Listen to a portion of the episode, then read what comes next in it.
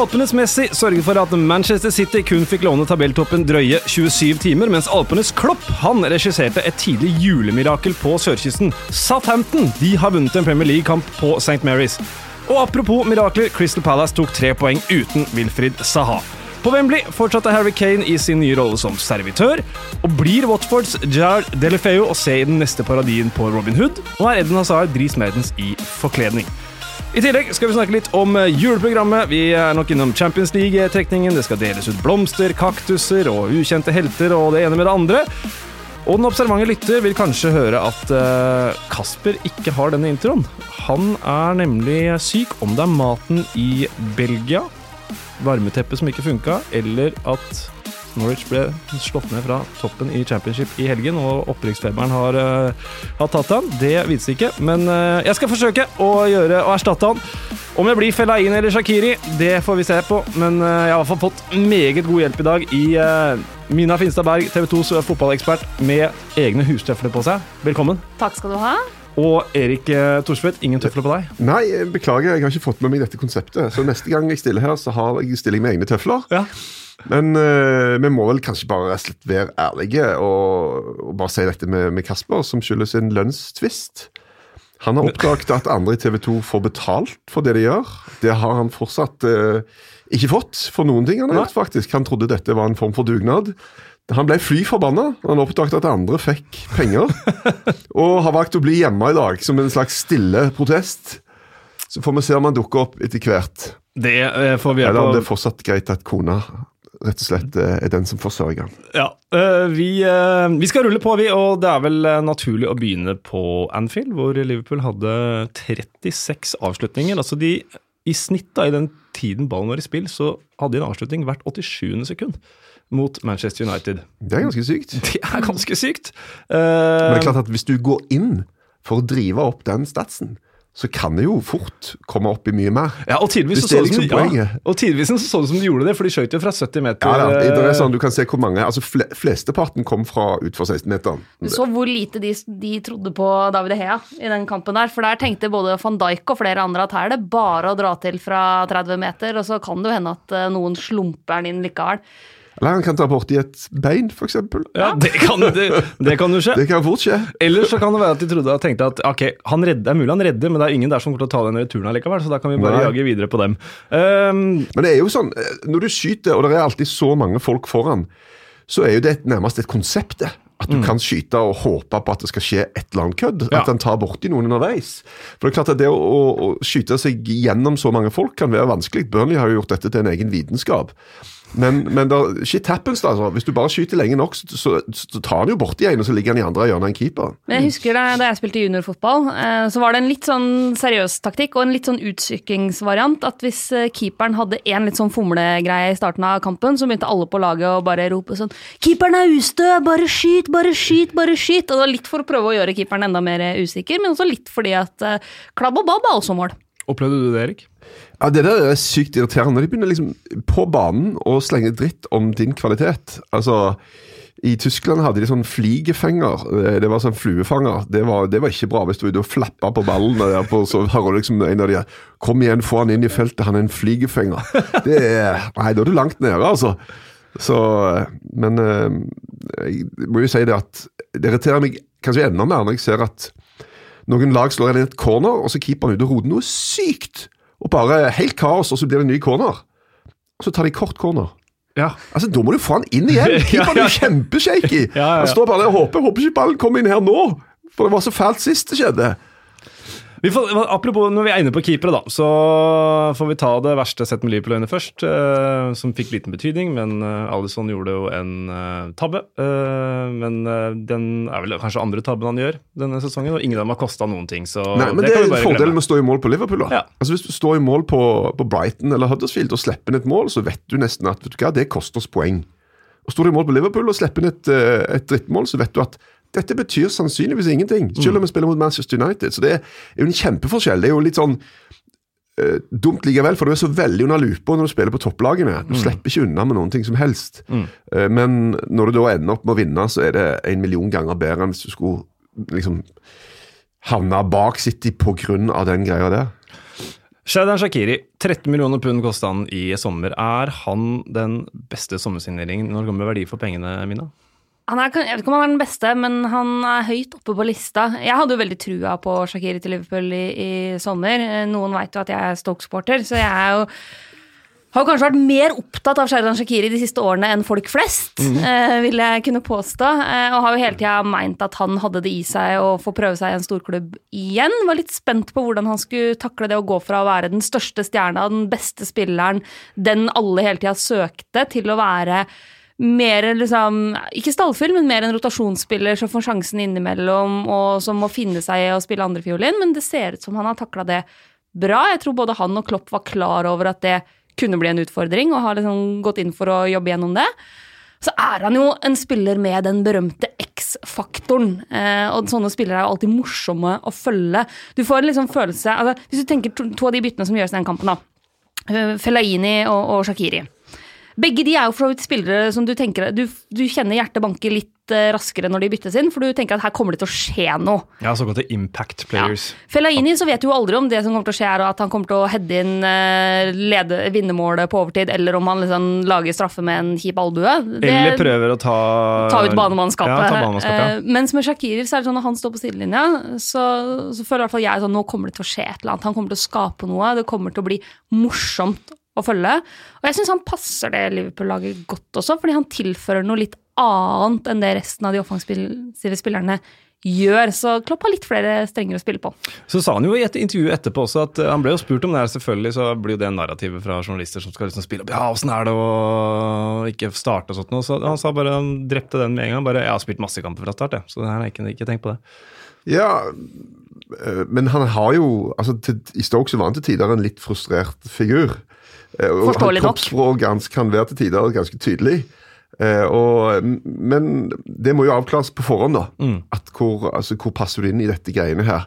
Og det tenker jeg at eh, Hvis du er en bra eh, bra med folk, så, så, tar du en bra prat, og du får ting på stell. da. Sånn at uh, Det verste er jo de der som driver og selge inn hvor stor stjerne du skal være hos meg, og hvor fantastiske du skal være, og du er min mann, og vi skal bygge lag rundt deg. Og så gjør du bare for å lokke spilleren, mm. og etterpå så er det bare mm.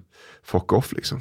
Ja, og apropos det, det var et spørsmål på Twitter her altså, om Klopp og Man, altså hvordan han er i forhold til spillerne sine. For var det, jeg tror det var mot Southampton, hvor, hvor Shakiri starta, spilte en kanon førsteomgang og så ble han tatt av til pause. Og da, mm. Det tror jeg kan ha vært et avgjørende mm, øyeblikk da, i, for, i forholdet Klopp-Shakiri, hvor han på en måte da tar han av, og så sikkert forklarer han godt hvorfor han gjør det. Og så er Shakiri klar igjen neste gang. Ja, jeg tenker Sturridge er en sånn altså, For Sturridge er jo en som òg kan være mm. eh, litt rar i psyken. Eh, og men at, altså, at, han fortsatt er i Liverpool, er nesten utrolig. Mm. Så lite som han spiller, og såpass bra som han har gjort det når han i hvert fall denne sesongen fikk sjansen. Så det må jo være et eller annet der, da. Greit at det tjener sykt mye penger i den klubben, eh, i forhold til hvis de går til Stoke, f.eks. Det gjør de vel, Mina? Eller? Du som kjenner de interne ja. lønnsstrukturene veldig godt i Stoke? Tjener nok mer i Liverpool enn i Stoke, ja. håper jeg i hvert fall. Så, men, men eh, det er vanskelig å holde alle happy, da. Ja. Og dette med å si liksom, ja, miste garderoben, f.eks. med Mourinho det, altså, det vil alltid være delte meninger uansett. da. Mm. Noen mener det, og noen mener det. Men uh, det, harmoni i troppen betyr noe, men det er veldig veldig vanskelig å skape kvalm når laget vinner. Du ja. har så lite å stille opp med, liksom. Mm. Så suksess Med en gang du begynner å tape, det er da begynner folk begynner å snakke litt, og de der litt råtne eplene får en sjanse til å ta større plass. Mm. Så har du altså innbyttene i disse store kampene, da, det som tenker nå er, altså Sturwich kommer inn på Stamford Bridge og skårer. Divo Korigi kommer fra ingen steder og avgjør Mercyside Derby. Og så kommer Shakiri inn og avgjør uh, det som er en av de største kampene på Anfield hver sesong. Så men Arsenal var vel i hvert fall før denne serierunden de som hadde hatt for det første så er det MRI som gjør flest bytter tidlig. da, mm. Som har gjort flest bytter allerede ved pause. For mange drøyer han jo et kvarter og de andre omgang for å se hvordan det går, men han gjør jo ofte tidlige bytter, og så mm. har han fått veldig god eh, mange mål fra, fra, byttene sine. Men Liverpool må jo begynne å komme opp i der, de òg, etter hvert. Ja. I hvert fall med disse to skåringene her. Eh, Jørgen Klopp uh, hørte Brede og Øyvind var inne på det i kommenteringen, hvordan, de, hvordan han på en måte outsmarta nok en gang dårlig bruk av engelsk. Altså. Utmanøvrerte. Utmanøvrerte, men det høres liksom ikke like fett ut. Men det er, jeg er helt enig. Kan kombinere det outmanøvrerte. Outmanøvrerte. uh, med å putte Mané på høyresida, og da var det ikke noe Salah i lomma på Young lenger. Nei, og det er jo den type grep som er veldig interessant å følge, og også litt sånn hvordan nå, nå er jo Klopp i en helt annen situasjon enn det han var eh, i fjor. Altså nå, han har jo fått flere år på seg til å bygge dette laget. Det er ikke sånn at han kom til dekka bord i Liverpool, men de har også hatt tålmodighet med Klopp og hans prosjekt, og, og latt han få tid til å bygge det laget, til å spille på den, den måten han ønsker. Men nå er han i en litt situasjon, en ny situasjon. Han skal ikke jage på samme måte som de har gjort tidligere. Nå er det en serieledelse man skal forsvare i en storkamp på Anfield. Eh, de har ikke slått United i en seriekamp på Anfield siden 2013. Og det er interessant å se nettopp de grepene han gjør, da. Men da må du ha, ha spillere som f.eks. Mané, som da helt uten problemer kan gå over på andre fløy. Men de, de offensive spillerne i Liverpool har jo hele sesongen bevega seg ganske fritt, da. Det er jo en fordel med den trioen der også, at Firmino kan gå litt dypere i banen, alle kan være midtspiss, han kan være kant, Mané kan også flyte litt mer fritt. Det funka jo mot United, liksom. Jeg tror ikke vi får se det sånn her annenhver kamp framover, men det funka der. Mm. Og Fabinho funka. Definitivt. Ja, igjen en sånn eh, et sånn grep fra Klopp som er litt uvanlig, da, at han drøyer så lenge med å, med å bruke den. Og jeg tenkte sånn For det kan jo altså Hva kan grunnen være? Ok, Han sier ok, men de tar tid, og vi har sett at uh, de har for eksempel, i Bournemouth en som tidligere i hvert fall har kjøpt spillere, og så har du ikke sett noe til dem på nesten en sesong, før de plutselig dukker opp og, og blir faste på laget. Men uh, Fabinho var sånn Han hadde jo òg litt kamper i begynnelsen som var sånn Ja, ok. Men uh, nå så vi jo hva dette greiene her dreier seg om. Og den linken mellom han og Mané, spesielt på, på assisten. Og det, det er noe med, du først, når du skal gjøre din første assist eh, i Premier League, så kan du like gjerne gjøre det som Fabinho. og uh, ha ei ordentlig perle, men jeg syns linken mellom de to så veldig veldig fin ut gjennom hele kampen. Og det er jo interessant å se, betyr det nå at Fabinho, Fabinho skal inn og spille mer der? Det er jo, jo midtbana som er liksom det største spørsmålstegnet i Liverpool egentlig, for der har du såpass ulike spillertyper, og du har, altså, du har brukt de har vært brukt litt forskjellig. Nabi Keita har kanskje ikke vært liksom like dominerende som det vi trodde før sesongen. Du, har, du kan slenge inn Henderson innimellom, du har Milner altså, Der har man veldig mange ulike måter man kan stable den midtbanen på. da. Jeg tenker, men jeg tenker sånn, Den skåringen der er jo veldig fin, den Fabinho inn til Mané og sånn, men etter søren jeg, altså, når, du, når du har den type kamp, da Ok, Vi har snakket om at, hvor mange skudd det var. Men så, de prøver også på akkurat de greiene så mange ganger. Altså, hvordan skal du komme deg gjennom en sånn vegg av, av folk, da? Sant? Ok, Du kan prøve å skyte, eller så kan du prøve den der dinken. Og vi ser jo eh, i, i løpet av en Premier League-runde så ser vi jo det blir prøvd på 100 ganger, i hvert fall. Ja, ja. Sånn? Og av og til så treffer du, da. Da skal du være ganske nøyaktig og bra timing, akkurat sånn som dette her. Men for å si det litt brutalt, jeg forventer jo det av den så gode spillere. At av og til så greier de å få akkurat akkurat nok kraft og dypp og timing og alt. Eh, Og det, det er jo vakkert når det fungerer, da, men, men du må jo kunne det. For hvis ikke greier du ikke å låse opp et sånt forsvar. Det går jo ikke. Nei, og Klopp sa jo også etterpå at eh, 1-0-skåringa det var rett fra tegnebrettet. Det var Ja. det de hadde øvd på. Um, Gary Neville var vel ute og sa at uh, når han så på midtbanen til Manchester United, så hadde du Matic, Fellaini og Herrera der. Og han sa ingen av dem kan sentre en pasning. Og i den kampen her så så det jo sånn ut. eh, Og så sitter Pogba på benken i 90 minutter. ja.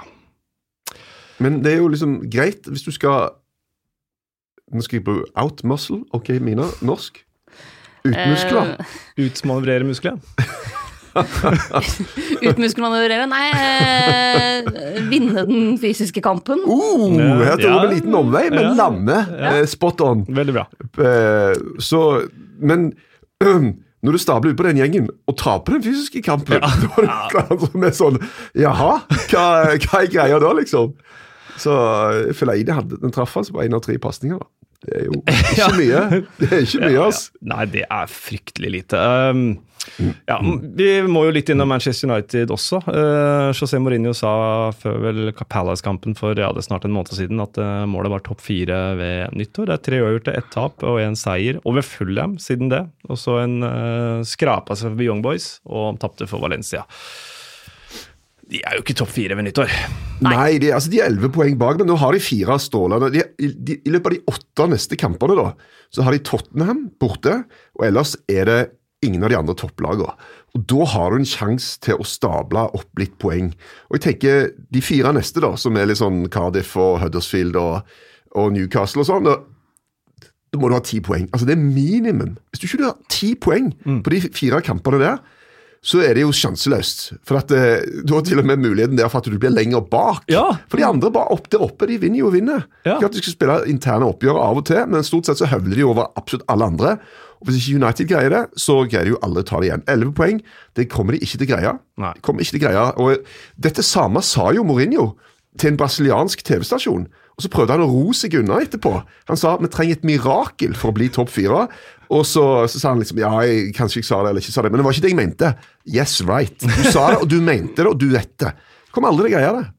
Nei, og når du ser liksom de to første kampene etter han sa det, og så var det der liksom Palace og Southampton. Det ble to poeng. Det skal jo Ja. være seks, eh, ti av ti sesonger. Ja.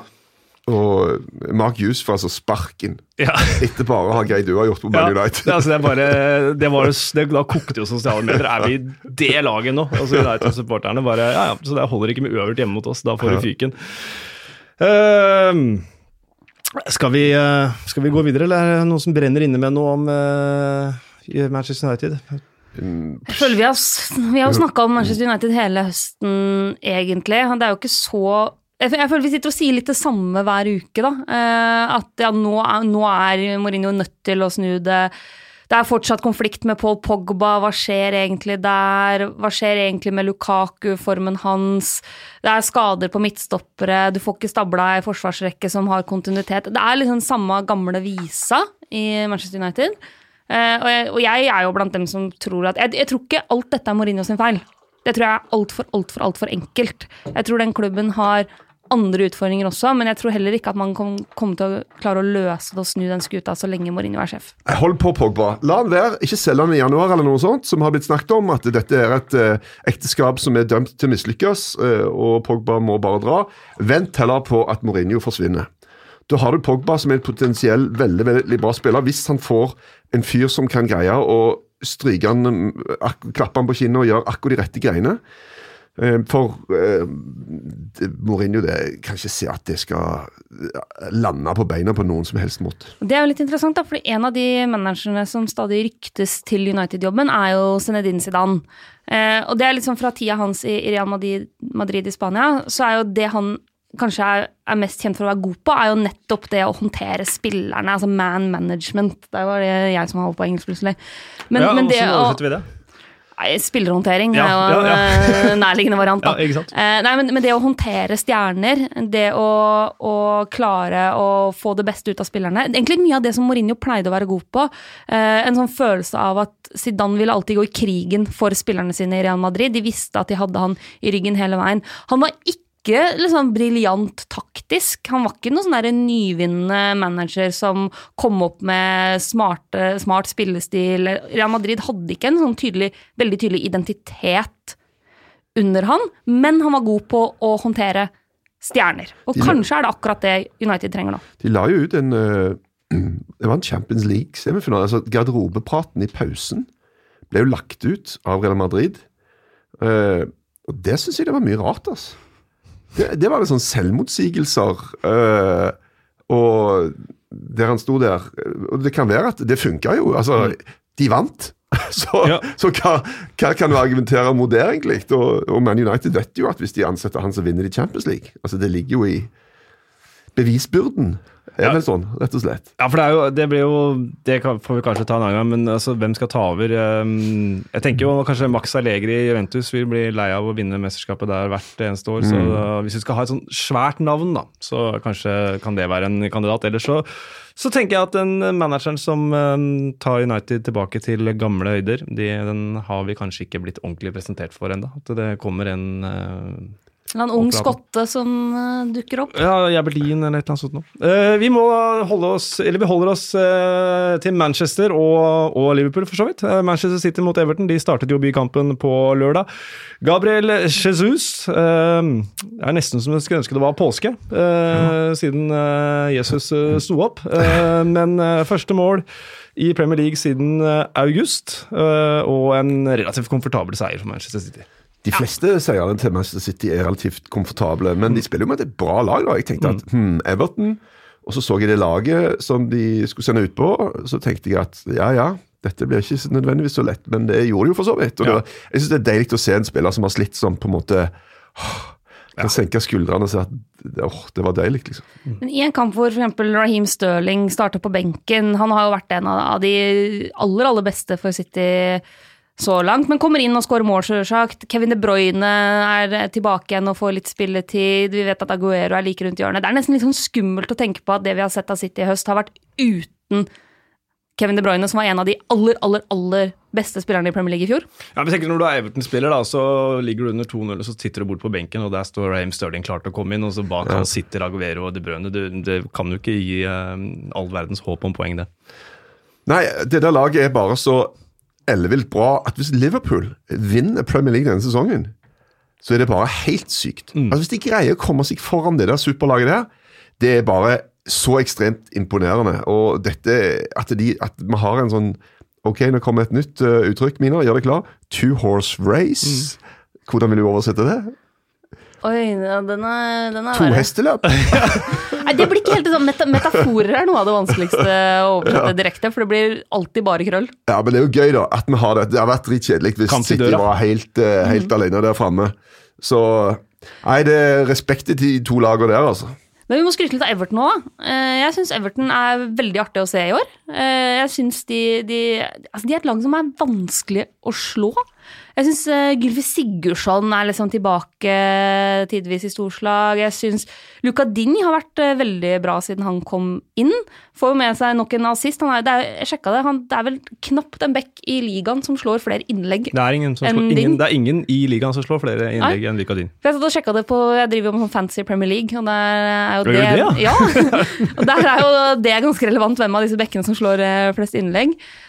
Men jeg syns, eh, jeg syns Everton spiller morsom fotball. Jeg syns de er stort sett solide. Nå hadde de, de har jo liksom raida Barcelona i sommer. Eh, Din syns jeg har vært bra. Eh, André Gomez ser jo endelig ut til å trives igjen. Det, apropos spillere som har slitt voldsomt tidligere. Han har jo vært ganske åpen om at han, han sleit mentalt i Barcelona. Var ganske deppa, mm. men har liksom funnet tilbake til den spilleren han var før han kom til Barcelona.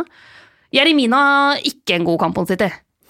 Nei, han, øh, han kom til kort, og det gjorde jo Everton òg, som måte, før denne kampen hadde da De burde vunnet på Emirates. De uh, var egentlig uheldige som ikke fikk med seg noe fra Anfield. Uh, de nøytraliserte Chelsea på Stamford Bridge. Vært gode borte mot de store lagene, men altså de jeg tror det er 2013 ja, sist de vant borte mot et av de såkalte topp seks-dagene. Så der er det jo på en måte Det er noe som må bryte der. Det var, det var jo når uh, Moyes hadde gått for Everton og tatt Ja. over Man United. Da gikk det løsna det. Da, da dro de jo til Old Trafford og vant. Ja, Eh, så det er vel den eneste de har, tror jeg. ja, og, På utrolig lenge. og Brian Oviedo ble matchvinner, så det var jo Ja. øh, helt obskurt. Men øh, Ja. Så, så det er et eh, Men liksom det å ta det fra å være veldig bra og veldig gøy å se på, til å komme opp blant de topp seks, Mm. det er altså så sykt vanskelig. Altså. Mm. Gapet der er svært. Da er du avhengig av at ett av storlagene har en skikkelig skikkelig dårlig sesong og underpresterer. ja, det er jo et av dem som har. Ja. Det var mitt neste poeng. ja, ja, så for lag som, som Everton, så har man jo en s- langt større mulighet nå enn det man burde ha. Jo da, men det er, det er en forskjell på å få en sånn slenger når Chelsea etter å ha vunnet ligaen plutselig er bare fullstendig ræva i sesong to med Mourinho der. Og det, det er liksom det å være sånn som Tottenham faktisk greide, da. For de var jo dønn midt på tabellen de i så mange år. De har til og med flørta med nedrykk den ene sesongen. Og så har de greid å ta steget opp og bli en av de store, og det er ganske bra gjort. oss. Ja, det er fantastisk. Eh, bare et lite notis på André Gomez, eh, som jeg tenker nå er eh, det nærmeste Everton har kommet eh, Michael Arteta siden Michael Arteta dro. Ja, men jeg syns det er deilig å se André Gomez spille bra fotball igjen. Men er ikke han litt mer kreativ, da? Eller? Jo, altså Arteta, Arteta nei, jeg tenkte Arteta var litt mer sånn At, at Gomez er litt mer sånn Er ikke litt mer lirere, da, på et eller annet vis? Jo, kanskje, men det er bare et eller annet med de to. Eh, mulig Ja. jeg bommer helt der. Jeg bare får sånn litt Arteta vi Mulig det fordi Arteta var assistentmanager hos City, og jeg så de to i bildet etter hverandre. Ja. Og så vil jeg si noe om uh, vår venn Ding. Ja. Ding? Ding. Ding. Altså, det er jo litt sånn Det er ganske rart hvordan det har endra seg med Bekka. da. For Bekka spiller jo ikke back lenger, de spiller jo wing. Og eh, vi har jo slutta å se egentlig på hva de gjør i forsvar. Ja, ja. Det teller jo bare innlegg. Altså, Hvor bra er han? Ja, han har gjort så og så mye. Men, men, sånn som med Trippier, da. Som jo alltid ligger høyt oppe på innlegg, assists og sånne ting. Og Så ser en da at ja, men veldig mye av det som motstanderen skaper, skjer jo der nede. I det rommet. Enten når han er oppe, eller når han er på plass og ikke god nok til å forsvare.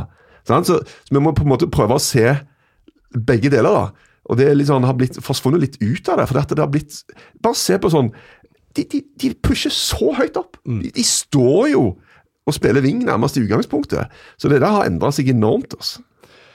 Vi skal sørover, holdt jeg på å si. Eh, Det kan man jo si når man tar seg et godt glass rødt også. Eh, Southampton-Arsenal 3-2 der. Ralf Hasenhotel eh, sørget for første seier eh, hjemme for, nei, for Southampton eh, denne sesongen. Og mm, det var på nød og neppe, fordi eh, Ipswich vant faktisk dagen før, så da var de det siste laget som ikke hadde vunnet hjemme eh, denne sesongen. Eh, Og det er bare å gratulere, for nå har faktisk Southampton like mange seire på St. Mary's det siste året som Chelsea og Leicester. Det er bra. Men, men tenk, tenk for Southampton-supporterne. Nå har de altså gått de, de har, Før den kampen her så har de én seier i løpet av hele sesongen. Eh, De har vel ikke opplevd en hjemmeseier siden april i ligaen. Så de har gått på kamp. To i 2018 har de. Ja, To i hele ja. Du, har, du har gått på kamp og gått på kamp og gått på kamp og vært i nedrykkssumpa i fjor, og du går skuffa hjem hver eneste gang, og så kommer Arsenal.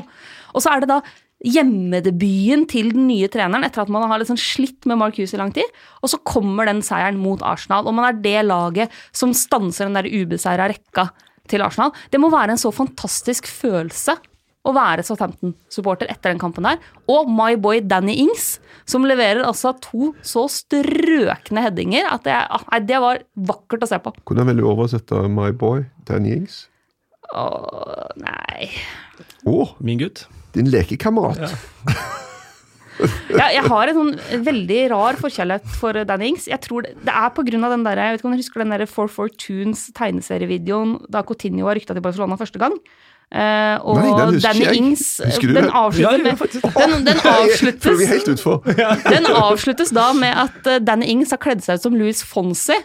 Uh, og derfor, Jeg tror det er bakgrunnen for, uh, for min litt sånn forkjærlighet for Danny Ings denne sesongen. her. Ja, men vi, altså Her må vi bare hylle han der sabla østerrikeren der, som kommer ridende inn. Og i løpet, altså Før forrige kamp så hadde han to treninger. De var for lite. Tapte mot Cardiff. Og nå denne uka her, så har de altså kjørt et regime som har vært helt sykt i forhold til eh, trening, løping, video. Han tar og filmer alle treningsøktene og sender det til Ryan Bertrand, som er ryggskada. Så han kan se på alle treningene hjemme, så han vet hva som foregår. Han tar og sender brev til alle sesongkortinnehavere og forklarer opplegget. Dette er det vi prøver å få til. Dette vil håpe vi at du kommer til å få se på St. Mary's. Og det er sykt bra hvis du blir med. Og så får de tillegg, tillegg en, en liten bong på en gratis øl hver på match. Og så sier han liksom at ja, men det er som en konto, da. Vi kan ikke bare ta ut, ta ut, ta ut. Det er tomt. Folk har ikke mer å gi oss. Vi må òg sette noe inn. Og Da setter han det inn i form av en gratis øl, og på en måte og, og, og informere folk, da. Så de kan liksom Dette kan dere se etter når vi spiller fotball. Og så får de se det. Og så får de til og med en seier mot Arsenal. Vet du hva, Det er bare så sykt bra gjort, og de er langt ifra trygge. Men jeg tror at de greier seg, og at Southampton går lysere tider i møte oss. Det tror jeg også. Eh, Jeg ble mektig imponert. Eh, Det er klart, Ja, de slipper inn eh, to mål, men de har jo den gode, gamle innlegg på spiss som header. Det funker, det også. Og det funker i hvert fall mot et Arsenal-forsvar som er såpass skadeskutt og med suspensjoner og hele sulamitten. Og så er det jo Charlie Austin, da. som alltid scorer mot Arsenal. Altså Det er femte seriekamp, Premier League-kamp mot Arsenal, og han scora i alle fem.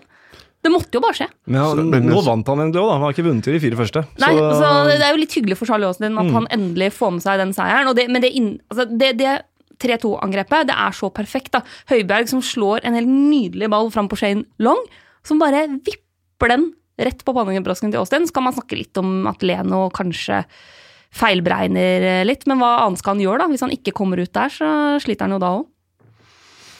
Eh, hvordan vil du si header på norsk? Nikker. Hodestøt. Hodestøter. Ja, han hadde hodestøt hodestøtet. Panne, pannebrasker den inn. uh, ja, bare, vi må bare nevne, da. Uh, Forsvarsserie med Lichsteiner, Korselny og Granit Sjaka. Den var det ingen som så komme før sesongen. Nei, og den forsvarsrekka der uh, klarer ikke fjerdeplassen i Premier League. Det er jeg ganske sikker på. Ja, Korselny halta jo rundt det òg, Ja. og var, det var, de går litt på stumpene nå personellmessig, altså.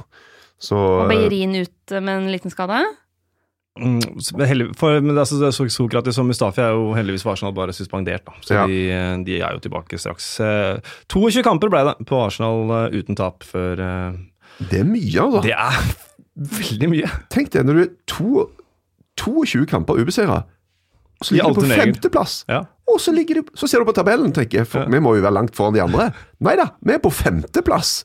Og det sier bare litt om hvor mye poeng de der laget der oppe tar oss.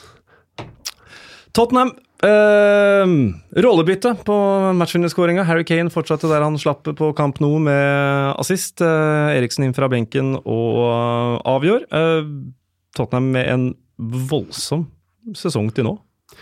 Den kampen var altså så grusom. Det det var en lidelse. Det var fotball i sirupos.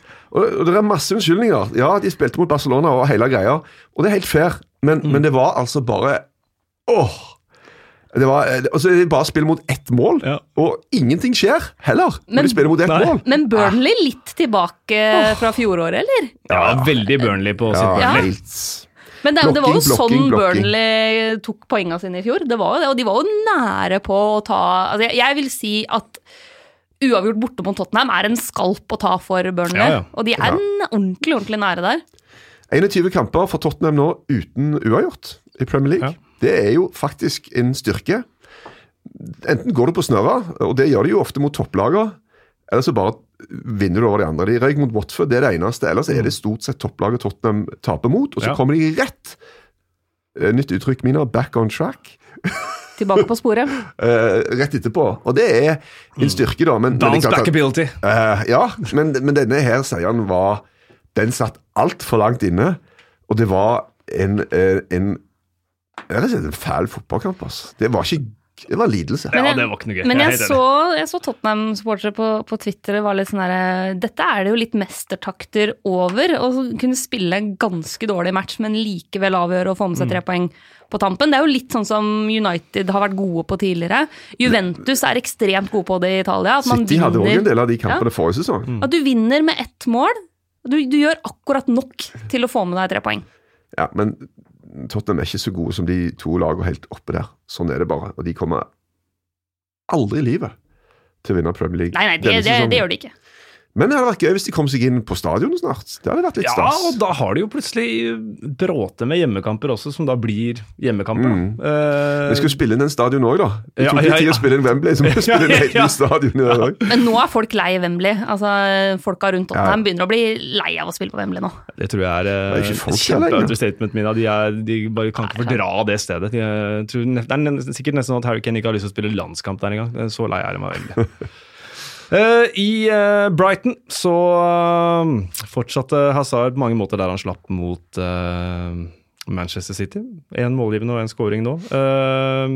Et grep mange har venta på fra Sarri. Eh, gjorde jo Dries Mertens til en målmaskin i Napoli. Og Eden Hazard må jo kunne si å ha mange av de samme karakteris- karakteristikkene som Eden Hazard. Nei, Dries Mertens, bare at han er Veldig mye bedre. veldig mye bedre, ja. Så, så er spørsmålet da om Mazar vil spille der. For han er ikke alltid han har trivdes med å bli brukt som midtspiss.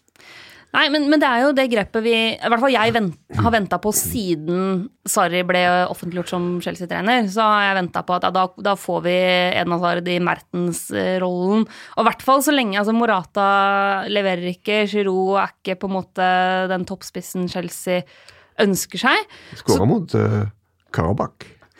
tross alt. Men, men, så tenker jeg at, at, ja, kanskje trives også Eden Hazard bedre i den rollen med Sarriball, da. Uh, med spillere rundt seg som bidrar godt. Jeg syns jo uh, Altså, Eden Hazard skårer og assist og spiller Han er jo en fantastisk fotballspiller, men jeg syns jo også Pedro har fått for lite skryt denne høsten her. Mm. Jeg syns Pedro er undervurdert. Uh, jeg ville valgt han foran William hver eneste dag i uka stort sett i det Chelsea-laget der. Jeg syns han passer Sarri mye bedre. Pedro har ikke den samme X-faktoren som William, men den der hardtarbeidende løpskapasiteten Han er en god avslutter også. Det er ikke noe det, å tull og dill med William jobber knallhardt. Altså. Han springer mye. Jo, men, Så, jeg, men jeg syns Pedro generelt Altså, Pedro gjør sjelden feil når han får sjansen. Uh, og han spiller han spiller ofte ganske enkelt, men det passer egentlig den spillestilen godt, syns jeg. Så jeg syns Pedro uh, er litt undervurdert. Det kan godt være, men, men William er jo den spilleren som spiller klart mest under Sarri. Han spiller nesten hver, Det er bare én kamp han ikke har vært eh, involvert i. Han eh, drar til uh, Bulgaria og spiller mot Vidi, han spiller borte mm. mot Karabakh. Han spiller uansett på en måte, så, så setter han ned med Sarri og tar en kopp uh, god kaffe der. Får reise over til ja, London og forklare den. Ja, for, ja, men, men jeg, jeg, er enig i at, at Pedro nok kunne fått mer skryt. Uh, nå er jo Morata skada også, så det mm. tvinger jo på en måte fram det uh, litt. Grann, at um, man må rotere litt. Men de hadde, på samme måte som mot uh, Wolverhampton, når de hadde en ledelse og cruisa og trodde alt var i boks, så, så tok de foten av gasspedalen mm. nå òg. Og hadde kanskje til og med litt sånn tur. Det var litt panikk på slutten der når ja. Brighton fikk noen greier. så der har han en liten jobb å gjøre. Han er jo veldig oppmerksom mm. på sånne ting, Sari, så han vet jo at forteller de at de må liksom stå løpet ut. For ja. ellers så kunne de fort ha mista to nye poeng. Mm. På Vicarage Road så var det en litt sånn, uh, om ikke årets mål, så månedens mål-konkurranse. Der hamra dem ballene i krysset og drilleplass seg rundt. Var det noen som tok Robin Hood-referansen min i innledningen der? Jeg gjorde ikke det, nei. Nei, nei, nei ingen, jeg er litt nei, spent. Nei, ingen, ingen, som har sett Robin Hood Men in Tights? Den parodien på Robin Hood? jo. Jo. Men det, det er jo sykt gammel, den er 20 år gammel, den filmen. da. Ja, ja, ja. Jeg har glemt ut noe av eh, innholdet her. Ja, Men Gerard Delefeu i tights! Er det lov? Å oh, ja. Ja, men det, det satt ikke det humorpoenget der. altså, Helt tydelig. Jeg får, gå, får ringe Kasper og høre hvordan han gjør det. Jeg tar sjølkritikk på ikke ha sett filmen. Syns den var veldig god, egentlig.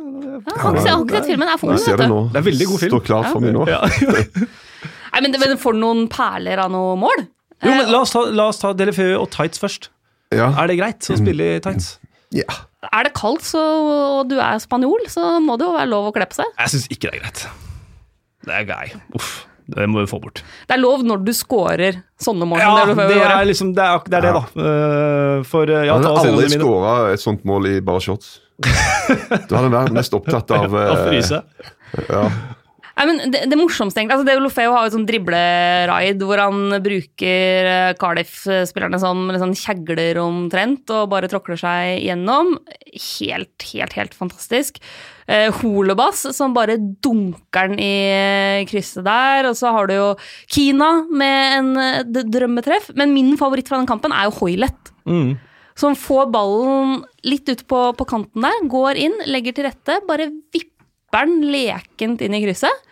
Det er kanskje mitt sånn høydepunkt fra den uh, fotballhelga her. Og så syns jeg det er litt morsomt, fordi det er jo Bobby Reed som setter inn 3-2. Og han prøver seg på en sånn hælflikk i mål. Det går jo ikke, så da må han bare stikke fram tåa og pirke den inn isteden. Men det så ut som han hadde lyst til å være med på den der rundens ja, ja. mål-konkurransen. Bomma litt, men, men fikk til uh, scoring likevel.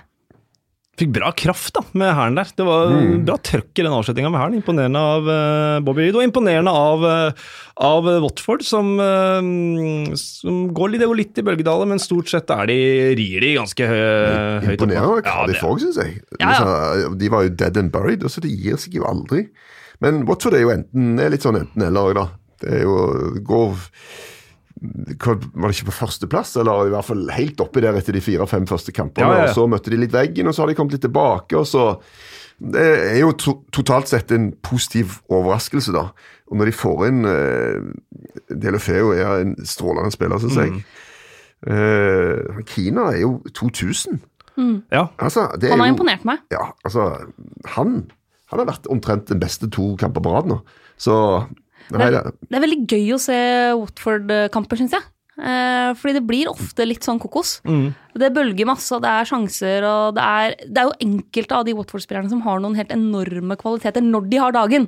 Altså Deolofeo er en fantastisk spiller når han har dagen, men jeg har også sett han i en del kamper hvor han kan være liksom ekstremt frustrerende, fordi du, du veit at potensialet er der, du veit at ferdighetene er der, men så plutselig så skal han gjøre Blir det altfor mye og for omstendelig, og han liksom kan gå av tre spillere for å så rote seg bort ved cornerflagget og en del sånne ting. Men, men de har jo noen kvaliteter i det laget som, når det sitter, er utrolig morsomt. Kvaliteter, det har eh, Neil Etheridge også, for en fantastisk eh, kamp han gjør, selv om han slipper inn eh, tre mål. Og så er det én situasjon i den kampen, jeg vet ikke om dere har sett den, Troy Dini som kommer skliende inn i Neil Etheridge. Eh, nok forbanna etterpå. Uh, Neil Etheridge uh, lavmælt, men kritisk til uh, Dinis uh, aksjon der. Og det forstår jeg jo. Ja. det er en våt bane, kommer inn med litt mye fart, men Etheridge spretter opp igjen og er klar til å redde, så han blir ikke liggende og vri seg. Han ble ikke truffet av denne fotlenka som Troy Deeney må gå med. det kan være litt ubehagelig. Nei, men Hadde det vært på åpen gate, så er det mulig å bli ny fotlenke på Troy Dean. uh, I uh, Huddersfield så uh, skåra Newcastle et mål som, uh, om ikke tåler sammenligning, så i hvert fall er oppe og nikker litt med et par av de måla som Arsenal har skåra. Fantastisk kontring, eller ikke kontring, ja, for det starter med Dubravka. Tre-fire trekk. Salomon Rondon i mål, det er nok til å vinne over Huddersfield. Newcastle avlyser julefesten sin igjen, men uh, Jordiene de har grunn til å juble.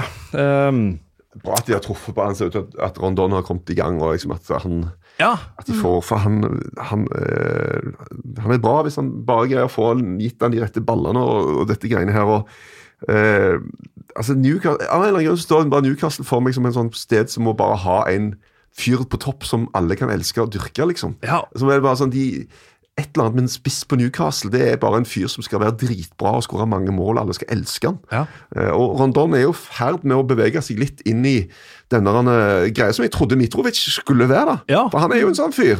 Men det ble for mye rør, og så mm, for udisiplinert, og så kokte det litt vekk. Og så fikk han kanskje ikke nok sjanser heller. jeg vet Nei. ikke. Men, men uh, Rondon, nå, som vel bare er på lån, faktisk Ja, de byttelånte. Det var helt case Ja. med Solomon Rondon. så, Det var vel en deal på at eh, hvem passer best i championship, og hvem passer best i Premier League. Mm. Og så gjør man et streit bytte der, og så eh, kan begge parter være rimelig fornøyd. Absolutt. Fire mål på seks siste nå for uh, Rondon. og Snakka om Mitrovic, det har vært snakka om det tidligere i høst også, hvordan Newcastle savner han. Det gjør de kanskje ikke akkurat nå, i hvert fall. Uh, Huddersfield er med 74 ball- ballinnehav. Det er altså uh, høyeste prosent for et lag som har tapt denne sesongen. Altså, de hadde ballen 74 men Ja. de, de, ja, de skårer jo ikke mål, og nå er Aaron Moy skada, også, det ser Ja, mørkt ut. han er vel ute lenge òg. Februar. Februar. ja. Mm. er, men- er det men- få som kan skape noe særlig offensivt når han er ute. Men eh, det, de har en sånn en eller annen greie i Huddersfield. Altså. Du bare, liksom, de er helt ute å kjøre. Fullstendig ræva. Mm. Bang, så plutselig får de bitte litt på stell i tre ukers tid. Så tar de en del poeng, og så blir de ræva igjen. Og sånn holder de på. Og så er- blir det kanskje akkurat nok da, til at de får uh, karre seg over den der streken. Men de skal kjempe hardt i altså, for å overleve. Men eh, Wagner har, han er en bra trener. Altså. Han greier å få bare det at de er Premier League, er jo vet du hva, fullstendig halleluja for denne klubben. der. Ja, ja. Og i tillegg at de har greid å overleve og har sjanse til det nå igjen. Det må respekt det, altså. Mm. På Sellers Park så gjorde Palace noe de eh, ikke har fått vann å gjøre, nemlig skåre vinne uten Louis uh, Louis skal vi høre. Wilfrid. Wilfrid Zaha. Eh, 14 Premier League-kamper på rad men hadde de tapt uten Zaha mm, på banen. Og Luka Milivojevic eh, han er faktisk toppskåreren i Palace etter at han kom i februar-januar 2017. Fantastisk skåring. Ja, helt nydelig. Ja. Det har jo vært ei runde med mange sånne klinkeballen eh, fra avstandsskåringer, og det, det er jo pent å se på. Det er jo det. Eh, Og Townsend, da, som eh, produserer litt eh, målpoeng i- igjen. Han har det jo i seg, han også. Så er det jo andre spillere som må ta ansvar når Altså, det er jo ingen tvil om hvem som er den største stjerna i Crystal Palace. Det er Saha, og det kommer, kommer til å være Saha omtrent så lenge han er der. Men da er det andre som må stå opp når han er borte. Og det har de ikke klart tidligere, men nå klarer de det. tror du skulle si Roy Reisa. jeg. Det var Roy Hodgson som var store stjerner. I hvert fall rimelig overbevist om at de greier seg. Ja. Altså, Palace, så lenge Roy Hodgson er der, han greier å gnure ut altså, med eh, et eller annet. Altså. Så, um, så lurer jeg bitte litt på Alexander uh, Sørloth, hva som mm. kommer til å skje der. Det har vært eh, Og sånn er det. Du blir kjøpt for noe vi regner syns er absurd mye penger. For de er det ikke all verden. Og det er sånne greier som de omtrent har råd til å avskrive litt sånn Ja. etter hvert. Og det er litt dumt òg for spillerne, for at det, du, du Det å komme innpå sånn og få noen sånne små innhopp av og til, det er veldig vanskelig. altså. Ja. Så, men øh, du, jo, du må jo altså bare putte på et eller annet. Sant? Komme i gang. Og, så det har vært øh, en litt øh, tung affære. Veldig tungt for Alexander Sørloth. Kanskje han kan ta turen til Huddersfield for eksempel, i januar. De eh, trenger en spiss. Men de trenger en som scorer, da. Eh, jo, de hadde en keeperdebutant også, Palace. Vi kjente Guit Guaita. Guaita. Jeg syns nesten det er vanskelig når de bare ballaget. Han må vente så lenge, da. Ja. Jeg var bare helt sikker på at denne dealen ble vel gjort for omtrent et år siden. Gjorde han Ja. ikke det? I januarvinduet Men dette er jo det Palace gjør. De kjøper en keeper, og så prøver de det, og så funker det ikke, og så er det Hennessy. ja, Men Hennessy har vel spilt hele veien? han ikke det? Jo, ja, men, men de, de har liksom De har hatt flere keepere som du har henta inn til Palace, og så har de bare endt opp med å bruke keeperen de allerede har. Altså Ja. Mandana for et par år siden, for eksempel. Da. Så, ja. Som jo var i franske landslagstroppen, Ja. faktisk. Eh, og, og det er greit, men, men det er klart at ok, de kan være sånn Ok, vi begynner med Hennessy, da. Men så har han jo spilt ganske bra. Ja, ja. Det er det som er greia, da. Og da kan du ikke argumentere mot at han faktisk får, får fortsette. da. Fikk seg en uh, veldig god redning der, uh, Goeita. Eh, nesten Higuita der. Eh, Ja. Men, eh, og et eh, frispark når var de dytta han over ende. Det var vel greit, det frisparket. I, um, på Craven Cottage så renner det fortsatt inn eh, baklengsmål. 42 har de sluppet inn nå, eh, Fulham. Eh, er det noe håp for Fulham? Mm, ser jo fryktelig mørkt ut, men samtidig, det er jo såpass tett i bånn at hvis Ranieri først får skikk på Fulham eh, altså Nå ligger Fulham nederst med ni poeng, og så er det Huddersfield på ti, Burnley og Southampton på tolv. Mm. Eh, det er klart, Fulham er helt avhengig av å ta poeng, for de har en målforskjell som er så mye dårligere enn de andre laga at det er, hvis de havner av poeng, så ryker de sannsynligvis på målforskjell. Men vi må i hvert fall ha litt tålmodighet med, med Ranieri. Det skal jo egentlig være nok kvalitet i det Fulham-laget til å kunne ta poeng, i hvert fall mot de andre laga som ligger og kjemper i bånn der. Men sånn som Westham spiller nå, så, så er jo de et, et lag i kjempeflyt. Mm. Vunnet fire kamper på rad. Pellegrini har fått ordentlig skikk på det. Klarer seg helt fint uten uh, Marko Arnautovic foreløpig, så lenge liksom Chicharito og ikke minst Felipe Andersson leverer sånn som de har gjort.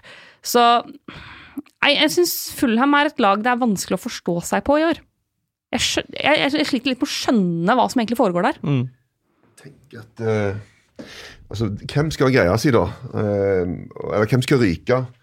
Og det er klart at Burnley ser jo ikke all verdens Nei. ut. Huddersfield uh, ligger tynt an, men, men Fulham Ok, han fikk den eh, seieren Ranieri når han umiddelbart umiddelbart tok over i en fullstendig eh, Hawaii-match mot Southampton, så kunne det gått hva vei som helst, og så vinner vel Fulham 3-2. Ja. Og så har det vært litt tyngre etter det. Så det, det er jo litt sånn fare når du får en veldig bra opptur, og så greier du ikke å gjøre noe mer med det. Så stopper det helt opp igjen. Det, det ser ikke bra ut. Så Apropos det å beholde roa og troa, eh, som du er inne på, Mina Pellegrini, som fikk fire strake tap der til å begynne med. Eh, Men har fått eh, veldig skikk på det, og eh, Robert, eh, Robert, Robert Snodgrass, oppstått fra championship. Altså, eh, han spiller jo som om det er 2013. Ja, ja. Og det, det er veldig veldig morsomt å se om dagen. Det er, altså, Westham er på en måte uh, Westham er Premier Leagues Tyrkia. Eh, litt sånn Hvor har det egentlig blitt av han? Så er svaret veldig, veldig ofte Westham. Alle sånne spillere som eh, du lurer litt på ja, hva, hva skjer egentlig der, og sånn, så, så er de i enten Tyrkia eller Westham. Jo, men sånn med Felipe Andersson og med Chicharito og, og sånn hele den Jarmolenko og hele den gjengen der, da. Men, men jeg syns det ser bra ut. Uh, og det er jo viktig for Westham at det er flere enn Arnautovic som kan ta ansvar og skåre mål, da. Ja, og det er det jo så definitivt nå. De, alle skårer mål. Michael Antonio skårer Ja. mål. Ja, det er jo, Ja, ja, Filip Andersson som jo ble bua ut der litt. Han lå litt tynt an hos publikum i en match og to, men så med en gang du begynner å levere det Så eh, han må jo komme litt inn i det, han òg. Han har jo en spillestil som ikke trenger å være sånn enten-eller, men det er det likevel ganske ofte. da, Men han har såpass mye og såpass mye styrke i kroppen sånn at jeg tenker at han, han må ikke være en sånn en som bare på en måte helt feider ut, Nei. som han har hatt et par kamper. da. Så hvis han er litt mer Shakiri, da, som er i hvert fall alltid, alltid på Krumme Sant? nakken. Ja, og som på en måte du ser har masse energi, og, for da er repertoaret til Filip Andersson ellevilt bra. altså. Ja, jeg husker jeg, når jeg kommenterte Serie A for noen år siden, det, jeg kommenterte gjennombruddssesongen hans, det var den siste sesongen jeg kommenterte i italiensk fotball, da, da bare dukka han opp. Altså han hadde, var kjøpt av Lazio for halvannet år siden, så plutselig dukka han opp på høsten 2014 eller noe, og da bare var det helt ustoppelig. Altså Uansett hvem han spilte mot, så var det bare alt handla om han. Uh, og ser litt tendensen til det også nå. Wolverhampton, eh, tidlig i sesongen kåret til eh, det beste laget som noen gang har rykket opp fra championship, og så blei det vel eh, seks tap og syv eh, Nei, tja, nei tre, noe, masse tap og noe greier, og da var de plutselig elendige. Nå har de tre strake seire. Er de fortsatt det beste laget som har rykket opp fra championship? Ja, jeg vil si det. Det, er klart at når det er tungt når du Og vi, vi svinger veldig ofte i vår mening med de siste resultatene. da. Ja, ja. Og det var et tidspunkt det så ille ut. De røyk jo hjemme mot Watford. De, altså de hadde noen ganske stygge greier der. Men, og de Sleit voldsomt defensivt. Ja, de, var, de tapte ikke hjemme mot Huddersfield. da. Det, Og, og da var Huddersfield mye bedre enn Wolverhampton. Da var Wolverhampton altså, virkelig virkelig et dårlig fotballag. Og så må vi jo tro at eh, at de, eh, Santo har peiling. At han, han, han, han, vet hva han holder på med. og At med det materialet han har, at han skal greie å vri det rundt. Og Fordelen innledningsvis var jo at de alltid spilte med samme lag, og det funka.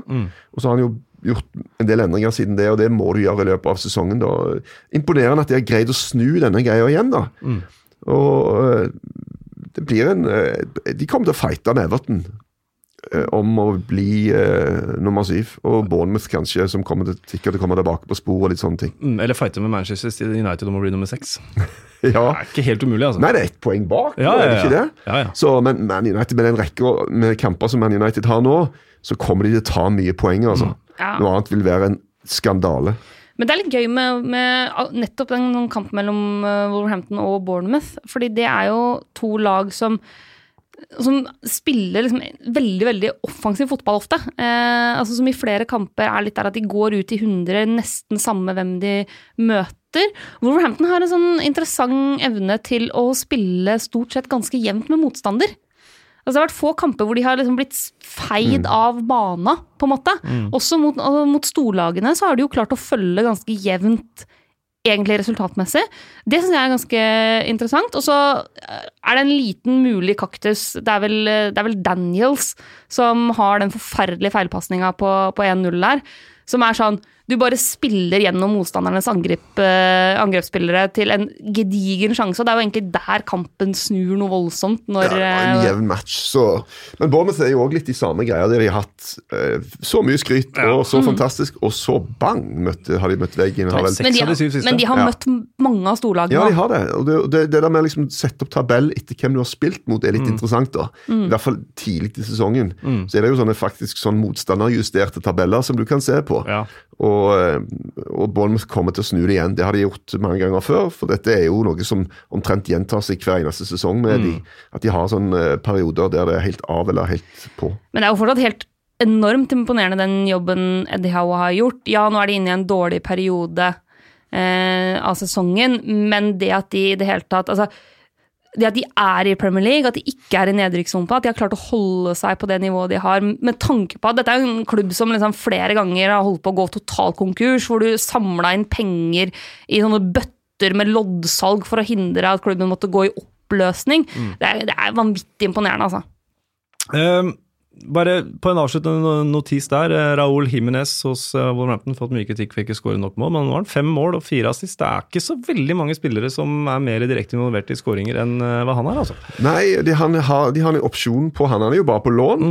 Så er det en opsjon, og jeg leste en artikkel som heter noe sånt som at uh, Wolverhampton må være uh, gale i uh, hodet for å betale 34 millioner pund eller noe sånt for uh, Jimenez. Så og, jeg, Han er en ganske bra link-up-spiller, er men mange mål hans er jo eh, det er jo på litt sånn tap-ins. Ja. Og det er mål, det òg. Altså. Du Det må det. jo være der. Det, det handler jo om å samspille sammen med de andre. Men jeg syns ikke han ser ut som en strålende spiss. Nei. Men hvis du regner sammen til slutt og finner ut at ja, men det er han faktisk, Ja, så fair enough. ja, funker eh, for eh, Nuno Espirito Santo. Da skal vi dele ut litt forskjellige hedersbetegnelser. Det var moro å se på. Morata var kjempegod. Hva i all verden? Er. Han snakka ikke om seg sjæl, han snakka om dommeren. Vi kan eh, begynne med eh, øyeblikk. Erik, hva er rundens øyeblikk for deg?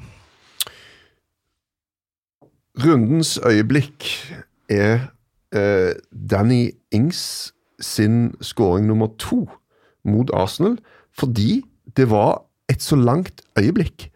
Tiden altså, du ser dette, tiden sto stille, og sånn var det!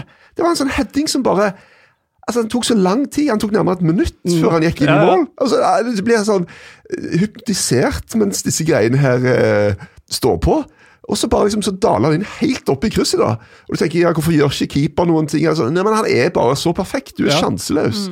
Og det var bare et sånt, et virkelig øyeblikk da, som bare fryser seg fast. Mina? Ja, den headinga der er helt nydelig. Og den har sånn vak sånn estetisk vakker ballbane. Uh, er helt nydelig. Men jeg, jeg er jo egentlig litt låst, for jeg blogga om det i går, og valgte da rundens øyeblikk med Charlie Austin sin 3-2-skåring. Men det er litt fordi det er Charlie Austin som alltid skårer mot Arsenal, men også mest fordi det er øyeblikket hvor Southampton får liksom sin første hjemmeseier siden april, og øyeblikket hvor Arsenal sin ubeseira rekke ender. Ja. Jeg hadde litt forskjellig der. Eh, Shakiri sin første, det er jo et stort øyeblikk i en stor kamp. Eh, men Men du eh, vet at Stoke fikk altfor lite penger for Ja, å ja. spille han. Ja, ikke sant? Robba! Eh, eller Felainis eh, skudd hvor han prøvde å ta ut han eh, vakta. Men jeg har også notert meg Charlie Austin, så da tar vi Charlie Austin på ukas øyeblikk. Når det kommer til kaktus, så har Gabriel Haaland på Twitter et innspill. Kaktus til Jeremina som spiller en helt forskrekkelig kamp. Aldri sett lignende fra en forsvarsspiller i Everton-drakta. Er det mulig? Og det har det vært mye rart ja, jeg tenkte Ashley Williams spilte ikke så veldig Ja. bra i fjor. eh, Men, men altså Jagielka har også hatt et par Ja, han greier. har Blitt et- utvist og lagt straffer. Et par og... tynge kamper, han òg, ja. Eh, men eh, hva tenker vi om Jeremina på kaktus? Altså, jeg, jeg skal ikke protestere sånn voldsomt eh, på den. Jeg så som noen på, på Twitter eh, kommenterte at eh, har Everton gått i den klassiske VM-fella? Eh, Ja. At du kjøper en spiller på bakgrunn av et par veldig veldig gode kamper i, i VM. Um, Han har spilt noen bra kamper for ja, for, Everton. for, det er, altså. for det er nettopp det. Da, at, at det er veld, fotball er så ferskvare at Mm. akkurat nå så er det, sånn, det er et krise-krisekjøp. Men det er ikke så mange runder siden Jeremina var litt sånn bunnsolid og spilte kanonbra. Men for denne kampen kan han kanskje få en kaktus. ta, ta, blir litt personlig for deg òg, Mina, i og med at du er så veldig opphengt i Jeremina. Det er jo litt favorittspiller bare pga. navnet, er det ikke det? Jeg burde jo selvfølgelig få meg en eller annen Everton-drakt med Mina på ryggen. Jeg burde jo det. Så, så, uh, eh, Olai Årdal mener kaktus de som mener at Alison er en flopp etter hans tabbe mot uh, United. Uh, Nei, det må jeg bare Er si. det noen som mener det, oppriktig? Ja, men, men det der greiene med, med det liksom, Så kommer sånn statsmål. Ja, han har gjort like mange tabber som Karius og Mignolet gjorde til sammen hele forrige sesong. Og, og det der greiene er sånn for, for Det provoserer meg. Hva er en tabbe? Hva er en feil? Sant? En feil er jo da hvis du gir en retur, sånn som her, og så er det noen som putter inn den.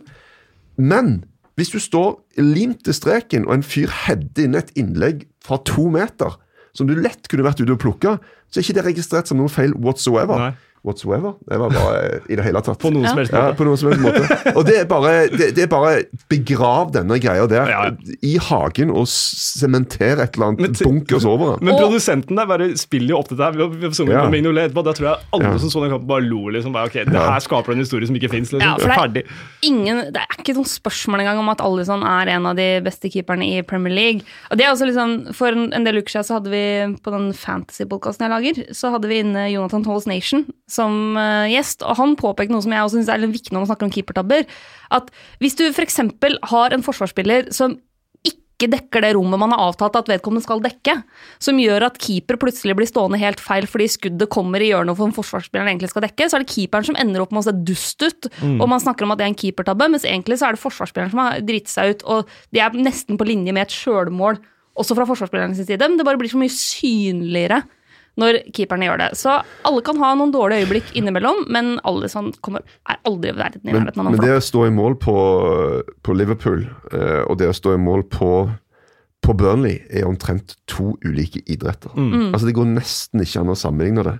Og det å sette noen av disse toppkeeperne på et skikkelig ræva lag det er, altså Joe Hart syns jeg var en fantastisk bra keeper.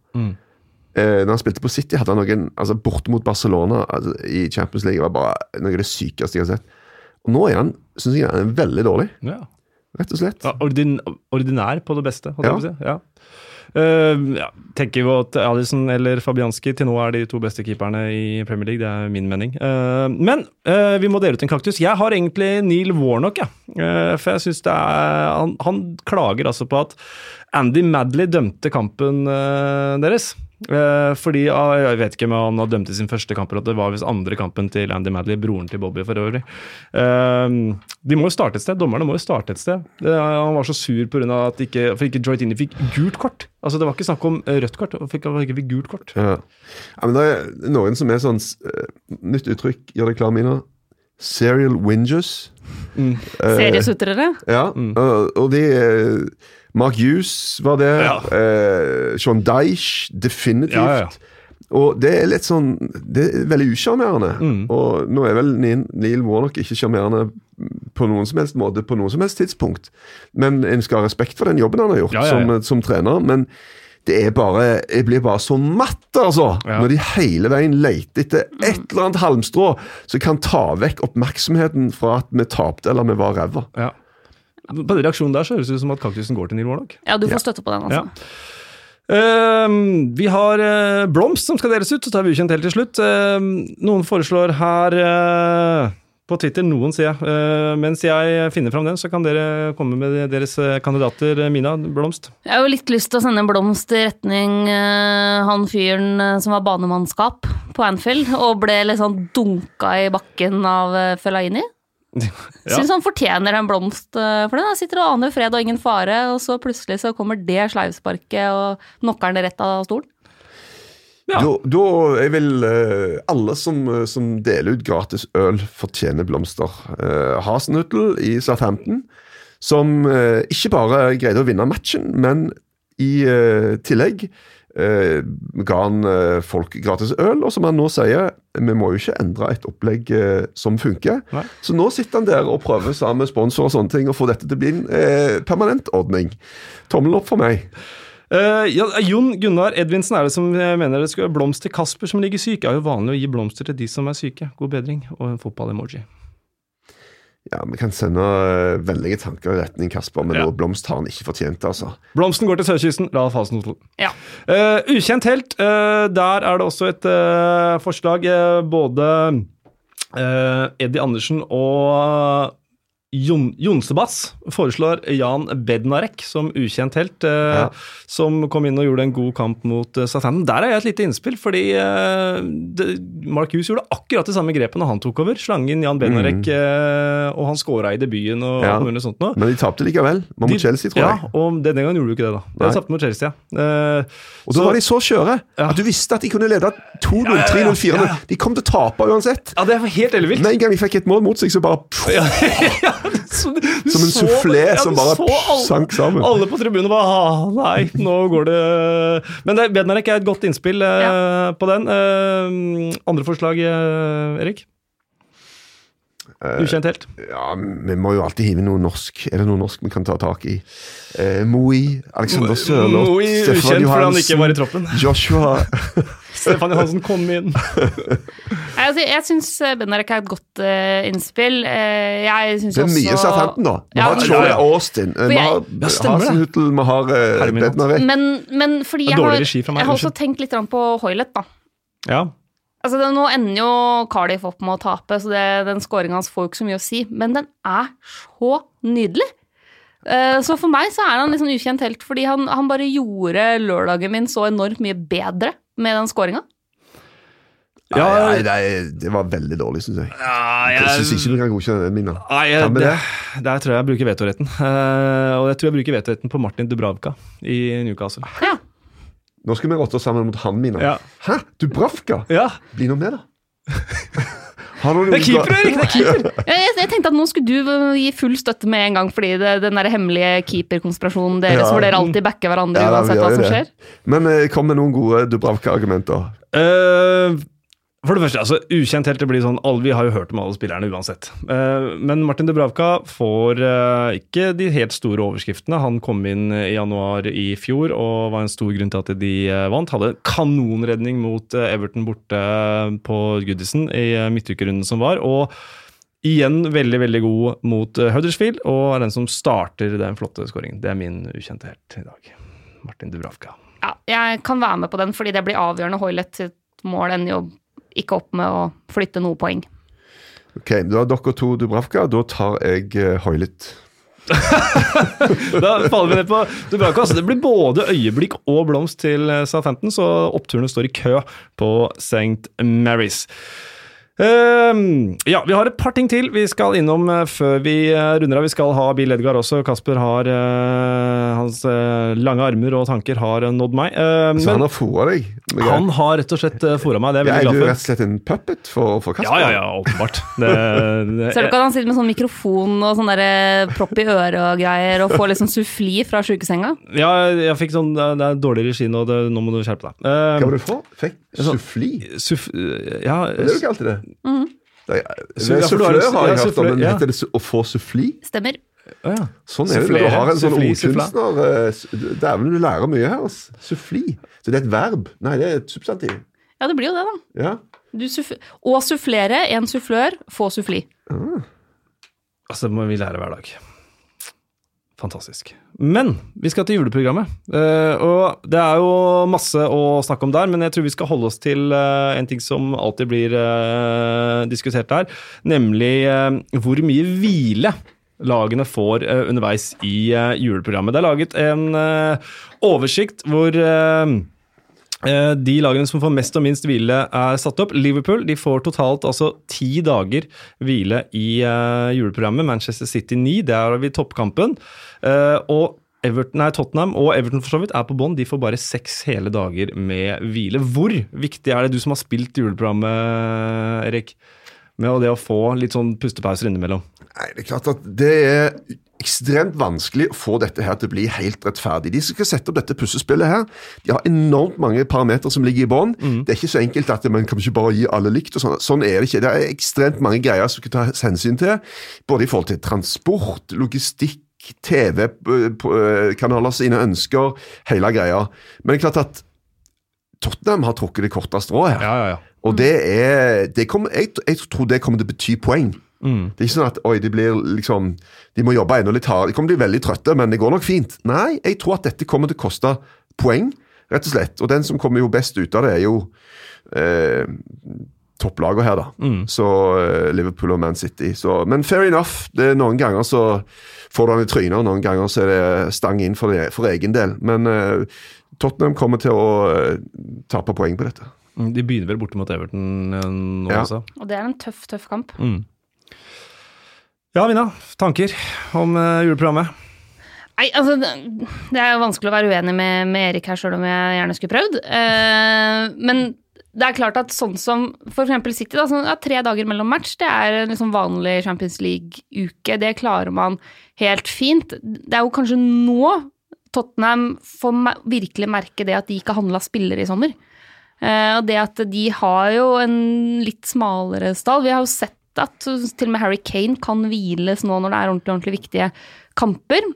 Kristian Eriksen som blir hvilt litt, så jeg er liksom spent på om Tottenham klarer å holde rytmen gående gjennom det programmet der. Vi veit at det er, det er litt skader i forsvarsrekka, hvordan kommer det til å slå ut? Så ja, Men jeg tenker, For meg så er det sånn at uh, Tottenham ikke nødvendigvis det at de ikke har nok spillere, for de har en del, selv om de har litt skader og sånne ting, men det at de er så sabla avhengig av noen. Altså, Med en gang Christian Eriksen og Harry Kane uh, ikke er på banen, og du kan i grunnen ta med Deli Alli og kanskje til og med sånn i denne greia, da, så, så, eh, så er de mye dårligere.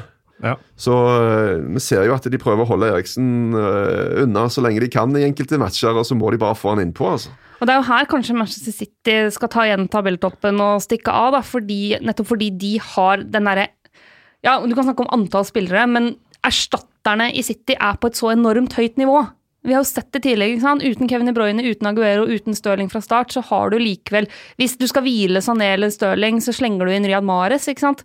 Så, det, så jeg tenker at sånn for City sin del, ja, Liverpool har én dag mer hvile, men er mer utsatt på enkelte posisjoner i laget. Det er veldig få spillere i City hvor du kan tenke at hvis, hvis han er ute, så blir laget vesentlig dårligere.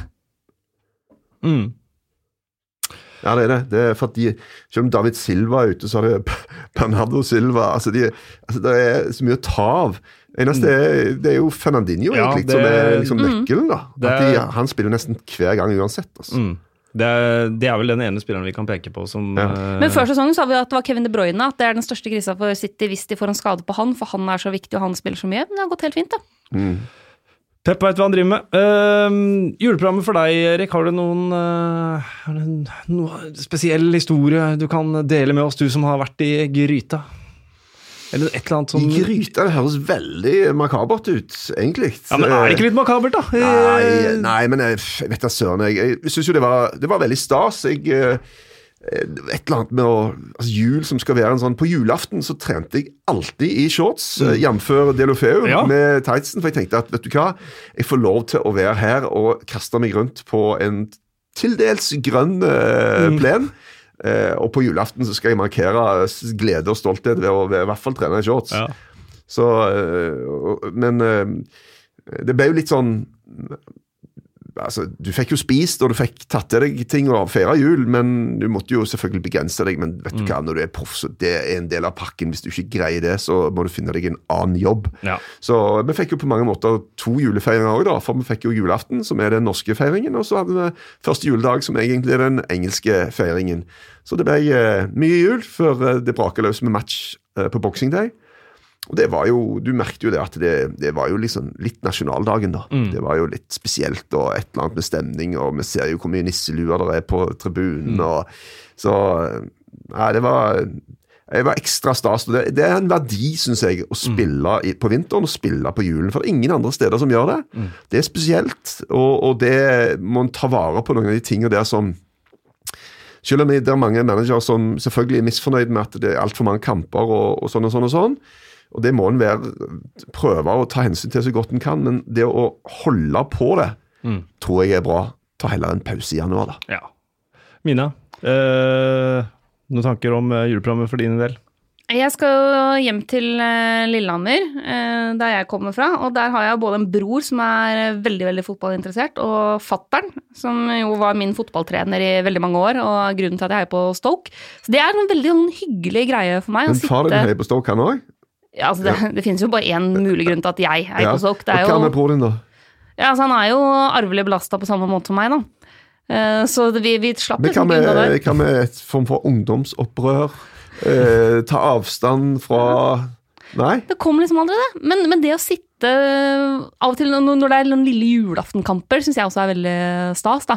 Men både lille julaften og andre juledag, å sitte sammen med fattern og brutter'n og Ja. se kamp da, det er, det er veldig julestemning for meg, altså. det, fotball er jo enda kjekkere når du ser det sammen med noen. Og det å ha en sånn felles greie i familien, da, der du kan heie på samme gjengen og være en liten klan der, det, det er enormt stas, synes jeg. Altså. Jeg elsker juleprogrammet, og øh, nå vet jeg at kona mi ikke hører på det her likevel, så det er egentlig veldig greit, for jeg, jeg gleder meg litt ekstra til andre juledag enn jeg skal på jobb. Hvem er, hvem er det eh, hun heier på? Uh, Sunderland. Jeg skal ikke røpe noe om kona mi. Uh, ikke si det til noen, men eksporten i går uh, Ja, fikk du med hvem Tottenham uh, skal møte, da? Hva møter hva Kom jeg rett fra trekningen, da? Ja. Ja, eh, Champions League og greier. Hun er ikke så dum, hun er ganske lur egentlig, da. Men hennes forslag var Rosenborg.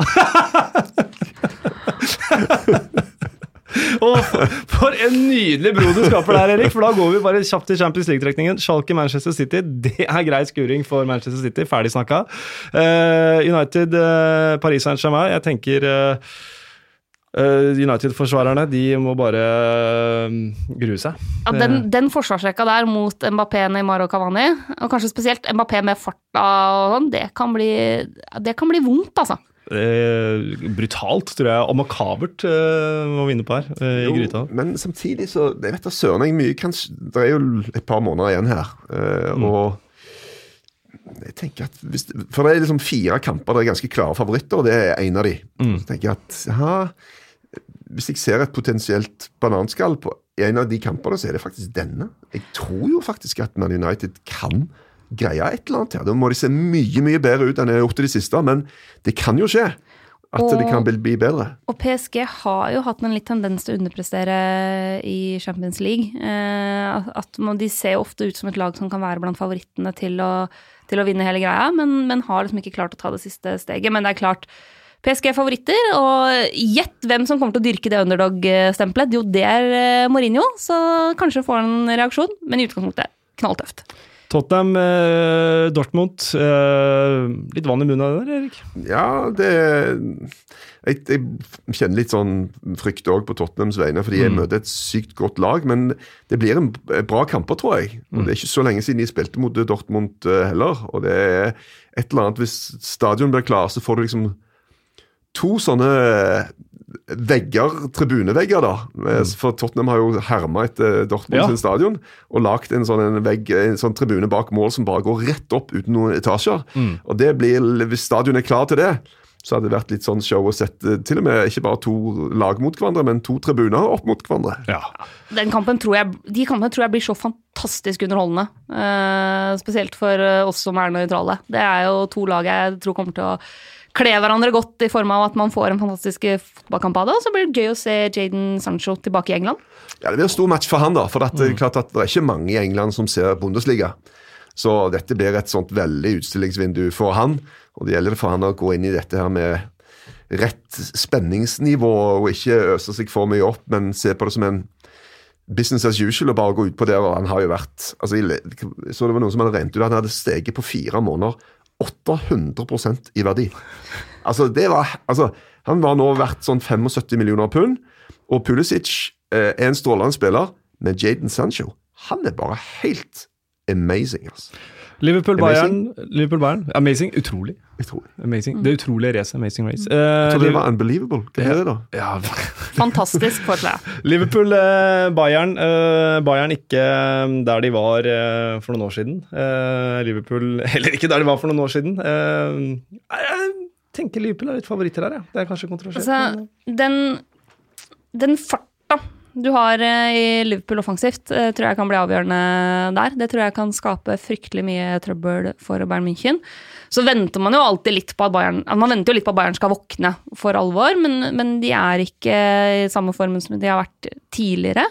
Så det er jo på en måte det beste tidspunktet på veldig veldig lenge Liverpool kunne trukket Bayern München. Og i hvert fall akkurat nå så må man jo kunne si at Liverpool er favoritter til å gå videre.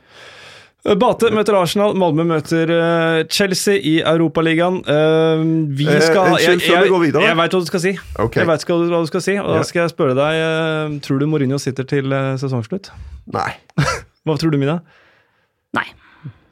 For det gjør han ikke. Oi, oi, oi, oi, oi, oi, oi, oi!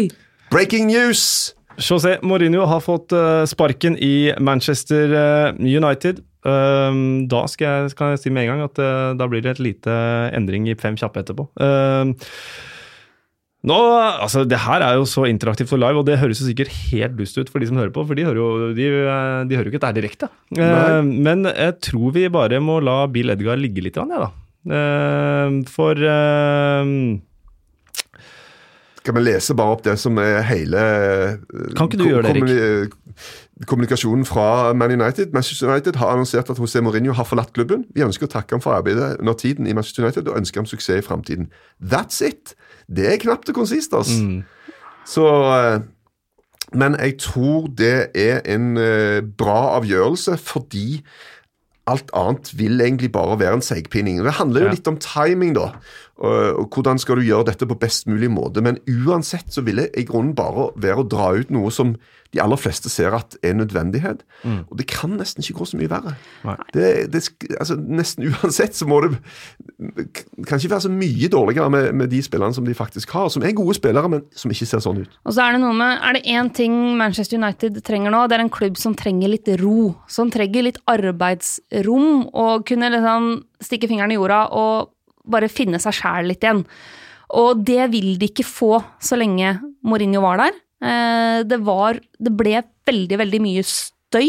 Det ble ekstremt mye fokus på potensielle konflikter mellom Mourinho og spillere. Han hadde mista litt den derre Tidligere så hadde han det glimt i øyet på pressekonferansen, så han kunne si en del ting da som vi syntes var litt kult, og ja, litt sånn arrogant, men, men litt kult. Det har blitt, det har blitt mindre og mindre sjarmerende. Eh, Med, med åra og etter hvert som resultatene har gått dårligere. Så jeg tror at United bare de, de trenger en liten pause fra det. Og så er jeg nå ekstremt spent på hvem som skal inn. Michael Carrick tar over eh, Ja. på midlertidig basis, men klubben håper å ansette en midlertidig manager for den midlertidige manageren eh, før eh, en uke, ukeslutt. Ja, øh, det er jo litt sånn tenken, altså en, en ser jo, en vet jo internt hvordan Michael Carrick er. Altså Er han klar? Kan han greie å lede dette f.eks. ut sesongen? Eller må vi tenke vi får noe bedre med tanke på Champions League, at vi fortsatt kan vinne FA-cupen og, og den slags? Så, men, men uansett så er det så viktig at en treffer til sommeren, da. En har råd til å avskrive en sesong og si at ok, nå var han ute, nå må vi, men at du, du får en som har en eh, filosofi som passer med det som klubben staker ut, og så må de få en sportsdirektør på plass. Så de har et annet system. For at nå, sånn som det har vært nå, så er det alt, altfor stor avstand, sånn som jeg ser det i hvert fall, mellom Mourinho og den gjengen som er der oppe. Du må ha en som har, tenker kontinuitet, som greier å planlegge flere sesonger fram i forhold til spillere og måten som United skal drive på. Ja, det, det her det kom jo eh, ekstremt brått på, samtidig som det ikke gjorde det. Eh, eller, Ja. fordi man, Vi har liksom snakka om det nesten i hver podkast opp igjennom. Er At det- det, hvem er det som tar over? eh, Men er det noen sjanse for at vi kunne fått Mourinho på, på tråden? Kan du, Mina, kan du ringe, du, eller? Altså Nå nå vet jeg ikke helt. Har du nummeret til Mourinho, kanskje? Men du er den som har vært nærmest å styre landet her, så du, du tenker Ja, ja. du er på en måte Du har jo gått i maktens best, korridorer. best, konta- best kontakter sånn i eh, det øvre sjikt av eh, makteliten. Ja, der har du meg. Ja. Nei, men Det blir utrolig interessant å se hvordan United responderer på det her eh, til helga. Det blir veldig veldig spennende. Det blir utrolig interessant å se hvilke type trenere de nå prøver seg på. Av- Blant de som er ledige, så har du jo Zidane og Conte. Jeg tror ikke det blir Conte. Uh, der tror jeg, det tror jeg ikke er det United ser for seg. Men for, for Eh. meg så, så er òg Zinedine Zidane et litt sånt For, for okay. Det, er, det er et navn igjen, da. Det er liksom bare et navn igjen. Altså, Ja. i, liksom, etter van Gaal, Mourinho, og så skal Ja. Zidane altså, altså, Når du snakka om Hassenhutl i stad, tenkte jeg bare har Manchester United gått glipp av nok en mulighet til å få en manager som skaper entusiasme? ja.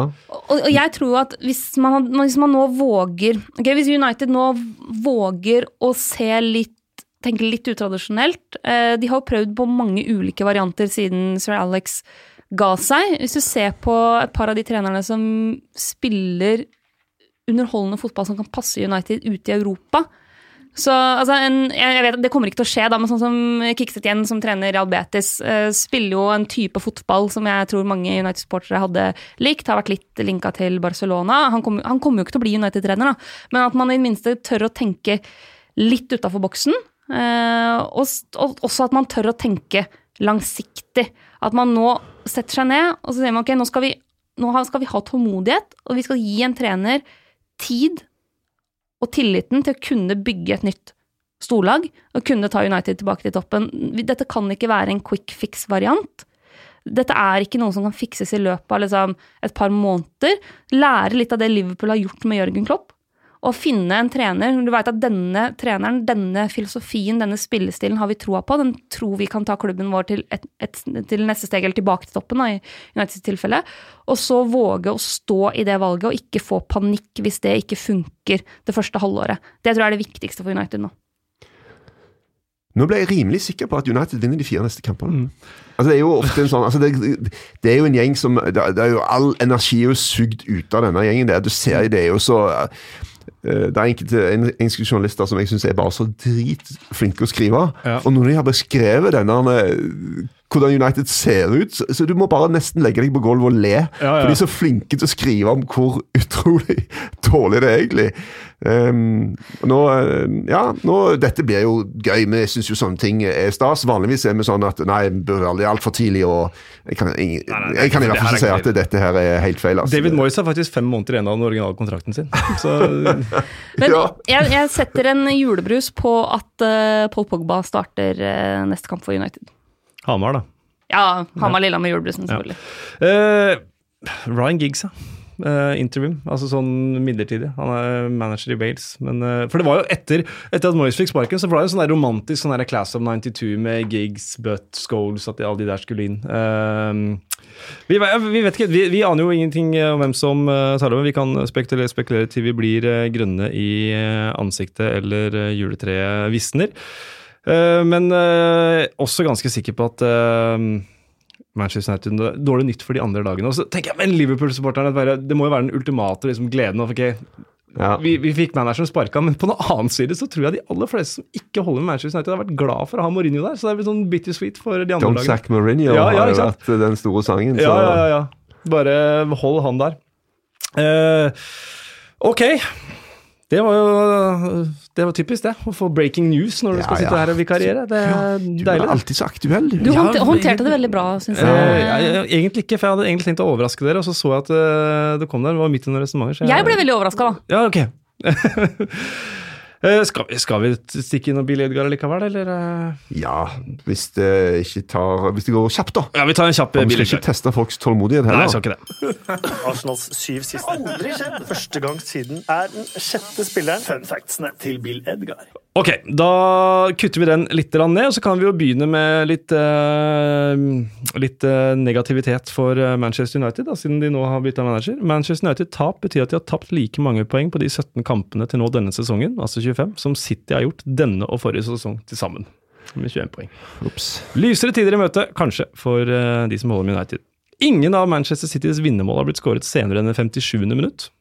Så det sier jo litt om Ja. hvor mye kontroll de har på kampene. Eh, denne her er, eh, er litt mer Bill Edgar over. I helgen var det to managere med initialer RH, født 9. august, som ledet lagene sine til sjeldne seire. Oi. Roy Hodgson og Ralf Hasenhotel der, altså. Unai Emeries eh, 17 første kamper har sangdert klubbens eh, lengste rekke uten å lede til pause, siden ligaen ble starta i 1893. Uh, Oliver Skip, født 9.11, ble den første spilleren født etter at den siste kampen ble spilt på gamle Wembley, til Oi. å starte en Premier League-kamp. Den er fin. Den er fin. Ti dager før jul ble det skåret mål av Christian og Jesus. Vi tar fem kjappe. Ehm, det er dårlig til å si hvem tar over til Mourinho. Det kan jeg ikke si. Ehm, men hvem tar over til Carrick? Ja. Ja, det var det. Uh. Så er Eddie Howie, da. Ja, det var det jeg skulle si. Jeg Ja, tenkte jeg skulle komme med en eh, brannfakkel og si Eddie Howe. Ok. Hvor mange Liverpool-skårere uh, kommer til å gjøre ti mål eller mer? Alle turneringer inkludert etter sesongslutt. Salah 13, Mané 8, Firmino 6, Shakiri 5, Milner 5, Sturridge 3. Hvor mange Liverpool-spillere? Fire. Fire. Type 5, ja. Redder Ranieri Fulham? Nei. Jo Vinner Arsenal Europa League? Nei. Nei. Hæ? Unai Emery vinner jo alltid Europa League. Jo, Ja, men, men selvfølgelig vinner de eh, Europa nå er Inter og Napoli inne i miksen her, da. Ja. Skårer. Og Sevilla. Arsenal vinner. Skårer Huddersfield en, en Huddersfield-spiss før nyttår? Nei. Nei. Nei, opp overhodet ikke. I jula så er det jo mye filmtid og sånn. Jeg veit iallfall hva jeg skal se på. Jeg, Actually. Nei, jeg skal se på Sunderland Till I Die. Den Ja. nye dokumentaren på Netflix. Den fikk vi ikke tid til å prate om i dag. Vi uh, kommer sikkert tilbake til den. All, fan, altså sett den første episoden. Jeg hadde tårer i øynene. Ja, jeg har bodd fire år i Sunderland, skal jeg si. Ja, Men, uh, jeg tror du er litt eh, Du er ikke helt objektiv. jo, men altså anslaget der i kirka hvor bare presten snakker om at eh, 'bless our players' og 'bless our city'. Nei, fy søder, altså. Jeg kjente meg igjen i nesten alle stedene. og det... Åh, det blir nok eh, Det blir en stor høytid eh, for meg der. Eh, Mina kjører narkos som vanlig, hun. ja. Gjør du det? Ja, Blir det Narkos, eller blir det Flåklypa? Eh, Det blir nok mer Flåklypa der. Har de begynt med narko der, eller? I Flåklypa? Det kan virke sånn av og til, men Og så skal jeg se Snikker Andersen på julaften. hva ble det på deg, Erik? I jula? Sånn filmmessig? Love Actually. Love Actually, Selvfølgelig. selvfølgelig. Ja, da var eh, vikariatet over. Jeg stilte spørsmål innledningsvis om jeg blir Shakir eller Fellaini. Føler meg kanskje litt mer som Lookman. Sånn, kommer inn, gjør en ok jobb, men det ble liksom ikke det helt eh, avgjørende av det. Du, eh, du er vår Mourinho. Du kom, du pratet, du forsvant. ja, så Da blir det aldri meg igjen. Eh, Jeg får håpe jeg får lov til å være gjest igjen da, Kasper.